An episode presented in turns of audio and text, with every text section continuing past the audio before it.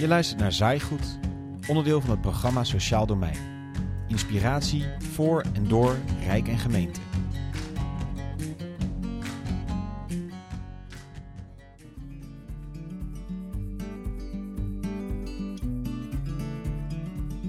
In de afgelopen maanden ging het maatschappelijk debat veel over het sociaal domein.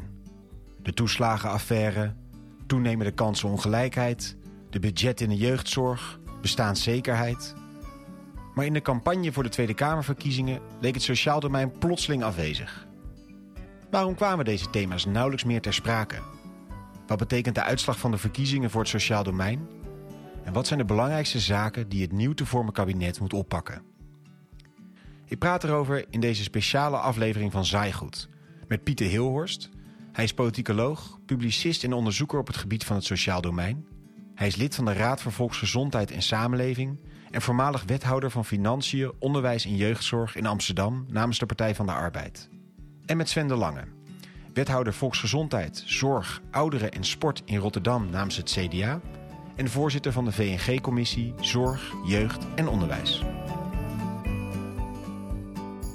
Dag Sven en dag Pieter. Mooi dat jullie uh, met mij willen reflecteren op uh, de uitslag van de Tweede Kamerverkiezingen. Uh, allereerst een beetje het algemene beeld. Opvallend is dat de coalitie op eigenlijk het CDA na gespaard is of juist wint. Hoe, hoe zie jij dat Sven? Wa waarom het kabinet doet het blijkbaar goed in de ogen van de kiezer? Ja, wat ik knap vind aan de VVD is dat ze ondanks alle tegenslagen van de afgelopen jaren toch weer gewoon als grote winnaar uit de bus komen. Dus volgens mij hebben zij vooral uh, die, die bestuurdersbonus op een voortreffelijke wijze uh, binnengetrokken. Uh, ik denk dat Kaag zeggen echt heeft gepositioneerd als, als, als nieuwe leider. een, een, een, een, nieuwe frisse wind, wat Nederland heel goed kan gebruiken. En als je dan bijvoorbeeld naar links kijkt, ehm, ja, Lilian Ploemen is natuurlijk al lang politiek actief. Klaver heeft misschien zijn hoogtepunt al wel gehad. Marijnis is natuurlijk een naam die al heel lang in de politiek aanwezig is. Eh, en als ik dan bijvoorbeeld naar het CDA kijkt, uh, uh, Wopke Hoekstra heeft zich niet kunnen profileren als nieuwe leider of, of, frisse wind. Dus ik heb een beetje het idee dat de VVD die bestuurdersbonus heeft gepakt. En dat D66 zich juist tegenovergesteld als een soort van nieuwe partij heeft weten te profileren. Ja, dat is natuurlijk heel erg knap. Net als, net als bij Diederik Samson een aantal jaar geleden zie je dat eigenlijk de campagne heel erg veel verschil uitmaakt. En dat heeft Sigrid Kaag heel goed gedaan. Omdat ze daar ook gewoon ja, ze staat er autonoom. En ook in de confrontaties met Geert Wilders uh, ja, blijft ze gewoon uh, vier overeind staan. En dat is wat veel mensen waarderen. Dat waardeer ik ook.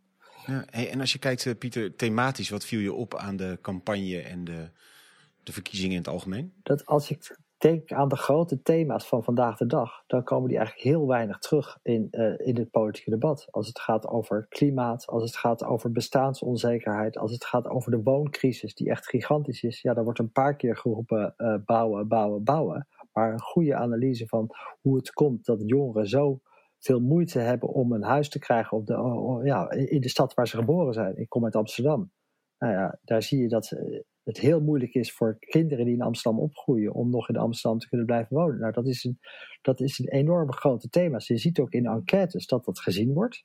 Alleen in de campagne speelt het bijna geen rol. En datzelfde geldt voor, voor bestaansonzekerheid. Ja, het wordt wel een paar keer genoemd, maar het speelt eigenlijk geen doorslaggevende rol in de campagne. En dat vind ik, uh, dat, dat vind ik, het, dat vind ik een failliet vooral van linkse partijen. Je moet zorgen dat je de agenda bepaalt en dat het daarover gaat. Herken je die observaties, Sven? Ja, ik vond het heel raar inderdaad ook. Uh, ik vond het heel vreemd bijvoorbeeld rondom de woningbouw dat het heel erg uh, vaak ging over... Iedereen die vond eigenlijk dat er een miljoen woningen moesten, moesten worden gebouwd. Maar dan de verdieping, die, die was er niet. Ja, wat voor woningen dan? Waar gaan we ze bouwen? Uh, wie profiteert er dan al dan niet van? Nou, dat, dat, dat debat was er niet. Ehm, ja, ik ben natuurlijk echt een zorgman. Ik was heel erg geïnteresseerd van, komt dat debat op gang? Nou, in het slotdebat was eigenlijk uh, de discussie die over zorg nog werd gevoerd, was de discussie uit de jaren negentig rondom de verzorgingshuizen. Uh, dus volgens mij heeft niemand een idee wat nou uh, de zorg gaat zijn voor de komende vier tot tien jaar. Terwijl misschien juist op de zorg daar wel de grootste klappen gaan vallen rondom personeelstekorten, enorme stijging ook van zorggebruik ja, heel erg vreemd. Wat, wat Pieter zegt, uh, bestaansonzekerheid. Je zou zeggen, uh, uh, we hebben een crisis. ondernemers vallen om. Er zullen allerlei bedrijven zijn die toch ook weer nou ja, zichzelf moeten uitvinden. misschien wel grote reorganisaties gaan, gaan aankondigen. Hey, ik, zou, ik zou juist denken dat met name links inderdaad, daar een groot thema van zou, zou maken. Hè. Laat, laat de, de, de, kleine man niet de, de dupe worden van deze crisis. Ja, niks, niks van dat alles. Het bleef een beetje hangen op, op economie, op vertrouwen. Ik, ik, vond ook het debat over migratie niet heel erg diepgaand. Dus het ging, het ging heel erg over personen ook echt. Hè? En dat, dat zien we eigenlijk de afgelopen verkiezingen steeds meer. Dat het om personen gaat. En uh, ik vond eigenlijk de campagne van de VVD daar wel het meest tekenend van. Die ging eigenlijk. Ik weet niet waar de, wat de VVD eigenlijk wil. Ik weet alleen dat Rutte een, een, een goede leider is door de VVD geponeerd. Dat is heel knap. En bij D60 geldt eigenlijk eh, hetzelfde. Hoewel die wel op een slimme manier, denk ik ook, Pieter, een aantal linkse thema's, bijvoorbeeld klimaat, wel naar zich toegetrokken heeft. Hey, en, dit is nou in de campagne. Je zegt nou, dat gaat erg om de gezichten en, en, en om, om het frame daaromheen. Zeg je van nou die thema's zoals zorg, als wonen, als bestaansonzekerheid zaten wel in de programma's. En die partijen hadden daar wel goede verhalen op, maar die kwamen niet tot uiting in de campagne. Of zit het eigenlijk ook onvoldoende scherp op de radar van die politieke partijen. Hoe zie je dat, Piet? Nee, ik vind dat het veel te weinig op de radar van die politieke partijen zit. En ik denk dat je een campagne, die win je niet in de campagne. Als je een campagne wil winnen, dan moet je eigenlijk jaren daarvoor al zorgen dat thema's hoog op de agenda komen. En ik vind dat daar, dus in de agenda-functie van politieke partijen, wat verkeerd gaat. En ook als Sven, als jij het hebt over de zorg. Nou, bij de Raad voor Volksgezondheid en Samenleving pleiten wij al heel lang voor echt een totaal andere kijk op de zorg, waarin je veel meer naar preventie gaat en niet als een leefstijlinterventie, maar waarin je moet kijken van hé, hey, daar zijn, je moet zorgen dat mensen de kans krijgen om te bloeien. En dat vergt een heel andere verzorgingsstaat. We moeten minder naar cure en meer naar preventie. Dat we maar 3% van de uitgaven voor preventie eh, geven, dat is veel te weinig. Dat moet naar 10%. Nou, dat is het standpunt wat geen enkele politieke partij voorstelt. Terwijl dat is wel de noodzakelijke omslag die er zijn. Dus, bij, dus ik zie op allerlei terreinen waar er eigenlijk een noodzakelijke omslag moet komen, die eigenlijk door geen enkele politieke partij op die manier wordt bepleit. En zien ze het niet? Is het een onwil? Is het een onvermogen? Ik denk dat het voor een deel ook eh, eh, dat er vaak een soort catenaccio-campagne wordt gevoerd. Van ja, als je, je, wil geen fouten maken. En als jij zegt van hé, hey, je bent voor een omslag van, van geld voor de cure naar preventie. Dat betekent ook dat je de consequentie moet dragen. Dat je vindt dat er minder geld naar de cure moet. Nou, dat is in een politieke campagne niet prettig. Dat heb je gezien aan Wopke Hoekstra. Als die iets, als die iets zegt over de WW moet korter, dan wordt hij daarop aangevallen. Dat hij tegelijkertijd pleit voor meer investeren om mensen aan het werk te helpen dat verdwijnt buiten beeld. Dus telkens als je iets wil veranderen, dan is eigenlijk wat je opgeeft, wordt heel erg uitvergroot. En wat je te winnen hebt, dat wordt eigenlijk krijgt geen aandacht. En dat maakt dat partijen huiverig zijn om die grote omslagen, die naar mijn idee noodzakelijk zijn, ook te bepleiten.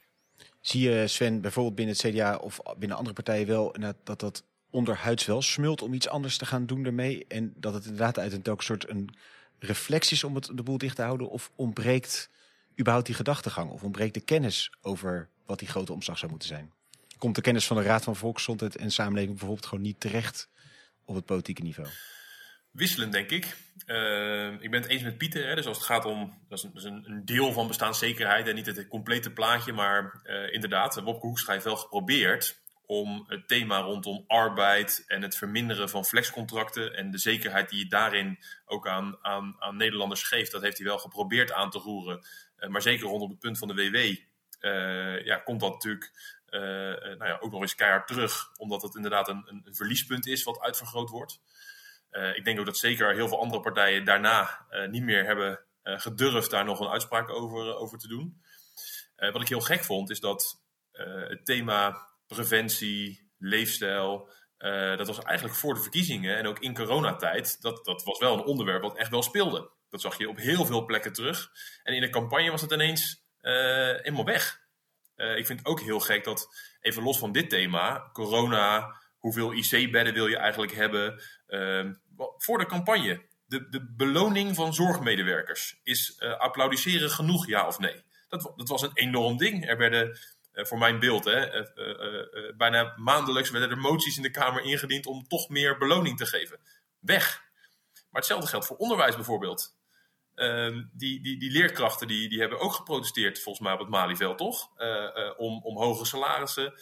het basisonderwijs was, was in de knel ook helemaal weg. Dus Ehm, ik denk dat we wel kunnen concluderen dat de, de, de sociale thema's in, in, in de crisis onderbelicht zijn. En uh, ik denk dat op een aantal onderdelen partijen daar echt wel visie uh, over, over hebben. Alleen het is geen enkele partij gelukt. Ehm, en dat, zie je zeker ook bij, bij CDA en de linkse partijen, om daar een groot thema van te maken.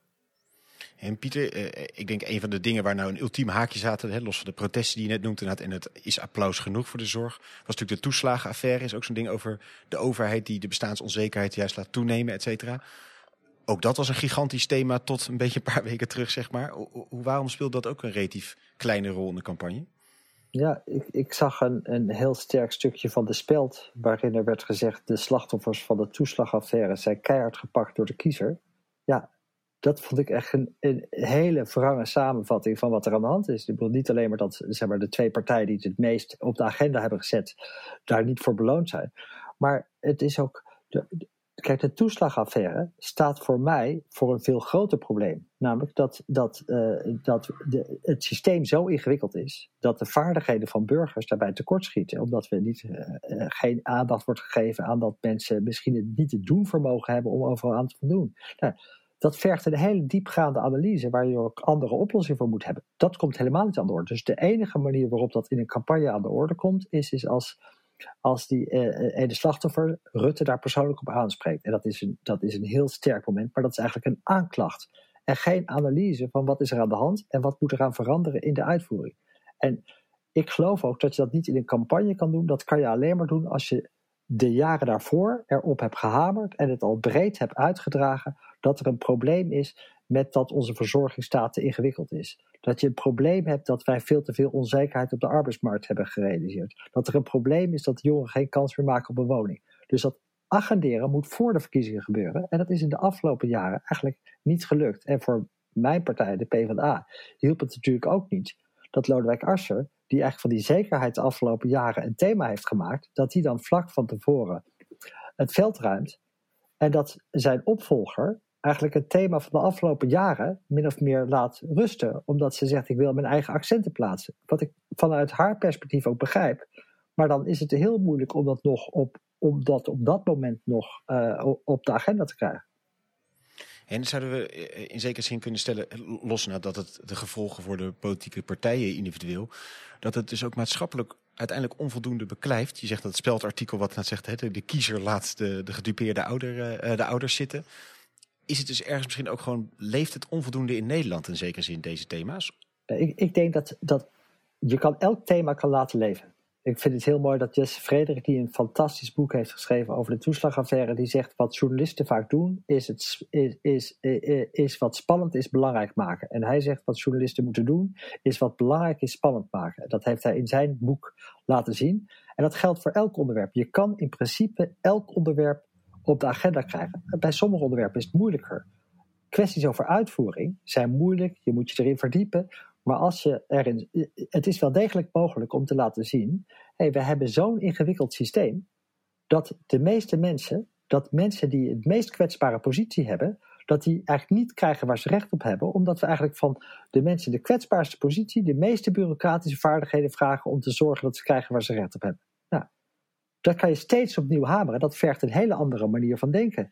Je kan laten zien, hey, het is niet normaal dat wij 97% van ons geld uitgeven als mensen ziek geworden zijn en maar 3% van het geld uitgeven om mensen gezond te houden of ze gezonder te maken. Kan je eigenlijk best makkelijk uitleggen, maar je moet het blijven herhalen en niet pas in de campagne, maar lang daarvoor, zodat eigenlijk alle partijen al beginnen te zeggen, ja, maar hier moeten wij iets over zeggen. Deze verhouding van 3% tegenover 97%, dat is niet normaal en daar moet wat aan veranderen. Maar dat kan je niet in de campagne doen, dat moet veel eerder. En ik hoop dat het eigenlijk nu ook een oproep is aan alle mensen en, aan Sven. En wat ik mezelf ook als opdracht stel, om dat voor de volgende verkiezingen wel te doen. We moeten de komende jaren hierop blijven hameren. Om te zorgen dat het in een volgende verkiezing wel bovenaan op de agenda staat. Herken je dat Sven, dat de uitvoering onvoldoende spannend inderdaad is en daarom zoveel wegzakt? Dat die nou, deel van wat eigenlijk allemaal in jouw portefeuille zit, gewoon onvoldoende uh, ja, thriller elementen heeft om zich vaak uh, makkelijk te laten naar voren brengen? Ja, die uitvoering is sowieso niet sexy. Uh, maar er is ook heel erg slim omgegaan natuurlijk met die toeslagenaffaire. Um, wat er gebeurd is, is dat de toeslagenaffaire volgens mij het voorbeeld is geworden van het feit dat er mensen in Den Haag fouten maken, minder betrouwbaar zijn en dat het anders moet. Maar dat is een, dat is een nogal grote conclusie van een fout die nogal op een specifieke plek is gemaakt. En uh, het is altijd gegaan uh, over de toeslagenaffaire als voorbeeld dat uh, het in Den Haag zo slecht georganiseerd is. In plaats van dat het specifieke probleem van die toeslagen op een andere manier moet worden opgelost. En zeker, en dan, dan ben ik het helemaal eens met Pieter, dat is natuurlijk gekoppeld aan een kwetsbare doelgroep en bestaanszekerheid en de ingewikkeldheid voor, voor hen om op een goede manier door het leven te komen. En dat thema is door niemand volgens mij echt uitgemolken. En dat is natuurlijk echt uh, uh, wel heel erg jammer. Ja, uitvoering in, in, in de breedte is natuurlijk sowieso niet, niet sexy. Ehm, maar dan moet je dat sexy maken. Een van de dingen die daar volgens mij ook een rol in heeft gespeeld bij, bij mijn eigen partij, is dat net zo goed als in de partij van, van Pieter een leiderschapswissel is geweest op het laatste moment, is dat natuurlijk bij het CDA ook gebeurd. En ehm, kijk, Hugo die kwam natuurlijk vanuit, vanuit de kant van de zorg. Dus wellicht, zeker met corona, en ik, ik heb natuurlijk alle uh, begrip voor het feit dat, dat die leiderschapswissel er heeft plaatsgevonden. Maar ik denk dat het wel echt een hele andere campagne was geworden ook. Als het CDA met een lijsttrekker was gekomen, die helemaal tot over zijn oren in die zorg en in die crisis had gezeten. Dus dat heeft ook wel een, een, een, rol gespeeld, denk ik. Maar even weer een ander thema. Hè? Dus, ehm, waar ik heel erg mee bezig ben, is de ouderenzorg en de vergrijzing die eraan zit te komen dan weten we nu um, dat uh, gemeenten in dat sociale domein financieel super krap zitten. Maar aan de andere kant, dat wil je de vergrijzing opvangen, dat dat gemeenten in de wijk laagdrempelig uh, het meest betaalbaar kunnen organiseren. En uh, oudere partijen, ook mijn eigen partij, die zouden daar toch een enorm thema van, moeten maken. Maar ook partijen zoals de SP, de Partij van de Arbeid, die nou ja, juist in die oudere doelgroep ook nog heel veel kiezerspotentieel hebben zitten. Ja, ik snap het werkelijk niet dat bijvoorbeeld het onderwerp rondom die ouderen nergens terug is gekomen. Want ja, ik weet niet uh, na deze verkiezingen hoe we die enorme opgave van de vergrijzing, uh, simpel gezegd voor die, voor die ouderen met een scootmobiel of rollator in de wijk, op een goede manier gaan organiseren. Blijven ze nou thuis wonen of niet? hoe gaan we de thuiszorg extra organiseren? Gaan we nou als een malle verpleeghuizen bouwen? Want als we dat nu niet gaan doen, dan lopen we enorm achter de feiten aan ik, ik, ik heb nog geen idee wat daar het, eh, het, het beeld van is. Dus ik ben ook heel benieuwd naar de formatie wat dat betreft. Maar ik denk dat daar, dat daar ook. Het, het gaat ook heel erg over het verbinden van thema's wat slecht lukt. Dus uh, we weten dat als je, uh, het probleem van jongeren op de woningmarkt heeft alles te maken ook met een gebrek aan goed aanbod voor ouderen. Omdat die vaak in huizen wonen die als ze, als zij, uh, als ze ergens anders heen gaan, die vrijkomen voor gezinnen. Dus we hebben ook een we hebben een woningmarkt waarbij eigenlijk de eensgezinswoning de norm is. Terwijl er heel veel, een grote groep ouderen is die alleen woont, die eigenlijk een nieuwe, nieuwe woonwensen hebben. Bijvoorbeeld als het gaat over co-wonen, waar heel weinig ruimte voor is. Terwijl andere generaties kunnen er ook baat bij hebben. We hebben met de, de derde levensfase advies van de Raad voor Volksgezondheid, het geschenk van de eeuw, precies laten zien dat je eigenlijk op wonen echt iets moet doen. En dat dat ook gevolgen heeft voor je zorgkosten. Dus je, als je op de woningmarkt wat doet voor ouderen, heeft dat effect op de zorgkosten. Maar onze systemen zijn er niet op gericht om ook gewoon dwars door die kokers te denken en dwars door de kokers te rekenen. Ja, dus het langere termijn perspectief ontbreekt daar compleet in campagne, maar eigenlijk ook dus bij veel partijen is daar ook niet die totale puzzel die gelegd wordt. Ik denk dat partijen eh, niet geloven dat ze het ingewikkelde verhaal kunnen vertellen. En dat ze daarom achterwege laten. Terwijl, uh, Sven, wat jij laat zien, je kan gewoon, je kan gewoon zien van hé, hey, daar, daar, daar komt een vergrijzing aan. Daar moet je wat mee. Er is een klimaatverandering. Daar moet je wat mee. Je moet nadenken hoe je kan zorgen dat ook mensen met een kleine beurs niet tegenstander worden van de klimaattransitie. Omdat dat, dat dreigt nu wel het geval te zijn. Ik zag een prachtig een prachtige muurschildering waarin ze zei van ja, ik kom er niet aan toe om groen te doen. Je komt er niet aan toe om groen te doen zolang je rood staat. Ja, als je die twee dingen niet met elkaar verbindt, dan zit je je eigen tegenstand te creëren. En ik heb het idee dat veel partijen denken: dit zijn zulke ingewikkelde dingen, daar moet ik de kiezer niet mee lastigvallen. En ik denk dan, Jesse Frederik in, in mijn achterhoofd houdend, het is andersom. Als het ingewikkeld is, dan moet je er net zo goed over nadenken totdat je het in iets eenvoudigs kan vertellen en daar een plan voor lanceren en erop blijven hameren dat het daar ook over gaat. Ja, Heel helder. Een, een hele uh, praktische ruzie ergens die vandaag de dag plaatsvindt, of gedoe wat nu plaatsvindt, uh, is rondom die uitvoering en de budgetten die gemeenten daarvoor hebben. Sven, dat, uh, die gesprek daarover met het Rijk komen nu tot het punt dat jullie de stap hebben gezet om richting bestuurlijke arbitrage te gaan in zaken de, de budgetten voor de jeugdzorg. Waarom die stap en hoe, wat hoop je daar politiek in dat dat voor aandacht genereert? Nou, dat, dat is niet alleen politiek, hè. dat is ook gewoon bittere noodzaak. Kijk, wij, wij hebben als, als gemeenten uh, sinds 2015 natuurlijk een enorme taak rondom de jeugdhulp. En ook rondom de, de wet maatschappelijke ondersteuning, wat veel meer uh, zit voor mensen met psychosociale problemen en, en ouderen. Maar zeker bij de jeugdhulp ehm, zien we de afgelopen jaren dat er een enorme stijging is in de kosten die wij, die wij maken. En we hebben met dit kabinet echt verschillende gesprekken gehad om daar over tot een oplossing te komen. Niet alleen financieel, maar ook uh, inhoudelijk. Omdat wij natuurlijk ook wel zien als gemeente dat de kosten die we nu maken uh, gierend uit de klauwen loopt. En dat je dat moet, moet verminderen ook met maatregelen. Daarom snap ik ook wel waarom het in de verkiezingen niet zo aan bod kwam. Want het is een heel moeilijk thema, een, een, een verliesthema. in tegenstelling tot ouderen, denk ik echt, dat echt een, een, een winthema wat niet gepakt is, denk ik. Maar wat je, wat, wat je ziet is dat dit kabinet eigenlijk in, vier jaar tijd het niet is gelukt om een antwoord te vinden uh, over dit probleem. Terwijl de kosten door de gemeente wel moesten uh, worden betaald. En we hebben eigenlijk tot het laatste moment de hoop gehouden dat het kabinet dan wel op korte termijn onze nood zou, noden zouden ledigen. Dan wel op de lange termijn ook een, een eerste perspectief zouden, zouden geven. En dat is gewoon niet gebeurd. En uh, ja, wij, wij, wij hebben de afgelopen jaren, hè, want we weten dat de tekorten richting de 1,7 miljard per jaar gaan landelijk. Dat is een immens bedrag wat de afgelopen jaren door de gemeente is opgehoest. En dat betekent dat bij alle gemeenten van Nederland de OZB is verhoogd. Uh, ingeteerd is op reserves. Er bibliotheken en zwembaden zijn gesloten. Misschien wel uh, een aantal preventieve activiteiten rondom de jeugd uh, zijn, zijn gestopt. Ja, wij, wij, wij kunnen niet meer deze tekorten opvullen. Wij, wij, wij, wij zijn gewoon wat dat betreft klaar met, met, die, met die financiering. Dus ja, we hebben gezegd, het is nu eh, een week voor de verkiezingen, hè, eh, afgelopen week. We hebben geen aanbod van, van dit kabinet. Dus we moeten echt gaan arbitreren om ervoor te zorgen dat wij in de toekomst wel gewoon voldoende middelen krijgen. Maar ook de tijd om nieuwe maatregelen te gaan invoeren. Hè? Want stel dat we de jeugdwet gaan, gaan aanpassen, ja, dan ben je zomaar twee jaar verder. In die twee jaar gaat het bedrag van 1,7 miljard niet ineens omlaag. Dus we hebben heel duidelijk een grens getrokken dat het meest waarschijnlijke kabinet wat er komen gaat, eh, als eh, VVD, CDA en D66 daarvan de kern uitmaken, dat zijn precies partijen die in, een doorrekening het minste geld ter beschikking stellen van gemeenten om dat te doen. Dus dat is aan de uh, ja, Partij van de Arbeid heeft er veel meer geld voor overgemaakt. Dus ik verwacht dat het ook echt nog moeilijk is. En, en als er dan iets staat, bijvoorbeeld bij D66, staat er dat zij de jeugd GGZ willen overbrengen naar de zorgverzekeringswet. Nou, dat, dat, is nou, dat staat ook nog haaks op de hele idee van de decentralisatie, waarin je moet proberen te zorgen dat je op alle levensdomeinen kijkt.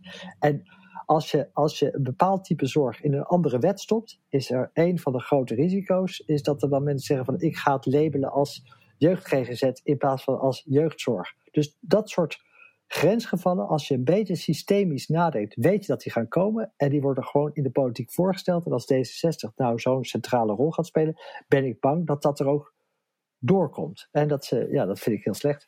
Ja, en ga je eigenlijk net op deelgebieden uh, zaken aanpassen in de hoop dat je op een deelgebiedje iets beter maakt. Maar trek je eigenlijk de hele basis onder dat hele systeem uit. Hey Sven, als jij kijkt naar, naar van wat zou je willen meegeven aan de formatietafel, de, de, de informateurs gaan aangewezen worden, uh, is inderdaad dan die budgetten voor jeugdzorg het belangrijkste punt wat je zou willen meegeven? Ja, en, en weet je, dat is gewoon, dat is eigenlijk geen keuze aan de formatietafel. Want uh, als gemeenten op dit vlak niet geholpen worden, dan kunnen wij uh, als gemeenten de hele agenda van het volgende kabinet niet uitvoeren. Dat klinkt natuurlijk heel stevig, maar dit is gewoon feitelijk waar.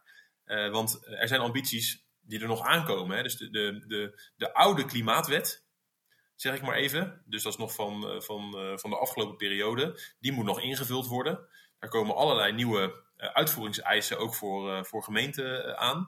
Ja, die kunnen wij niet zomaar betalen. Je hebt de wet open overheid, de omgevingswet. Dus alles wat er, wat er nog aankomt, plus nog alle nieuwe ehm, ideeën en wensen die het volgende kabinet ook zeker zal, zal hebben ja, die, kunnen wij allemaal gewoon niet financieren. Dus bij ons begint het ermee Dat we ehm, fatsoenlijk gecompenseerd worden op het sociaal domein. daarbij ook goede inhoudelijke afspraken maken, want wij zien ook echt dat het anders moet. Maar als dat door, door in de formatie niet geregeld wordt, ja, dan, dan denk ik dat de gemeente en het Rijk gewoon heel erg tegenover elkaar komt te staan. En dan werken wij gewoon niet mee omdat het niet kan, hè? niet omdat het onwil is. Want we, we, blijven een, een, een overheidslaag die heel graag wil uitvoeren. Maar, ja, maar op een gegeven moment zijn er gewoon grenzen aan wat mogelijk is als het uh, ja, aan de andere kant ook uh, begint te knellen. Inderdaad. Pieter, wat zijn dingen waar jij zegt van die zou ik willen meegeven geven aan de formatietafel? Je noemde natuurlijk al wel een paar zaken. Sven heeft helemaal gelijk dat als je hier, dit probleem niet oplost, dan loopt het gewoon helemaal vast. Ik zou, ik zou tegelijkertijd verder willen kijken. We hebben een paar systeemveranderingen benoemd die echt nodig zijn. Dus uh, meer geld naar gezondheidsbevordering in plaats van als je ziek wordt. Meer geld naar bestaanszekerheid in plaats van dat je, dat je gaat kijken van als het al uit de hand gelopen is, dat je dan uh, psychische ondersteuning moet geven of jeugdzorg moet geven of andere dingen. We weten dat als je daarbij begint, dan kan je heel veel ellende voorkomen. Dat soort grote omslagen, daar, daar komt de politiek, of de, in ieder geval de regering in Den Haag, steeds niet aan toe. En ik hoop voor een nieuw kabinet dat ze het lef hebben om wel dat begin te maken. Want als het dan niet in de campagne een rol speelt, laat het dan in ieder geval in het beleid een rol spelen. Want als we dat niet doen, dan, dan, dan krijg je eigenlijk steeds opnieuw van die budgettaire problemen. Bijvoorbeeld over de jeugdzorg, of over de WMO, of over straks de ouderenzorg. Omdat je eigenlijk niet uh, de, de fundamentele wissels omzet. En ik hoop dat het nieuwe kabinet dat wel gaat doen. Maar ik heb er weinig vertrouwen in. Ik heb er wel vertrouwen in. Je hebt wel vertrouwen in? Ja, omdat, ik, eh, omdat, ze, omdat ze geen keuze hebben, denk ik, Pieter. De, de, financiële, de financiële situatie is zo dat je, dat je niet met een beetje kaasgaven, zeg maar, de begroting eh, ja. uh, meerjaren rond moet krijgen. Dus ik denk dat ze gedwongen worden. En of ze dan de, de, de goede grote keuzes maken, is dan de vraag. Ja. Maar ik denk dat ze gedwongen zijn op, op al die thema's die jij benoemt, om toch die, die, die, die wissels om te gaan zetten. Ja. Ik, ik, denk dat ze niet anders kunnen. Ik, ik hoop het, maar alleen dat gaat vaak zo dat de kost voor de baat uitgaat.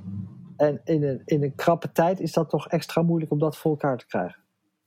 En er is een angst voor stelselregeling. Ik bedoel, de zorgverzekeringswet is een, schade, is een schadebeginselwet. Dat betekent dat je eigenlijk nu nog geen geld mag uitgeven om mensen gezond te houden. Terwijl dat is, ja, dat is een heel fundamenteel probleem. Dat moet gewoon, dat moet gewoon veranderen.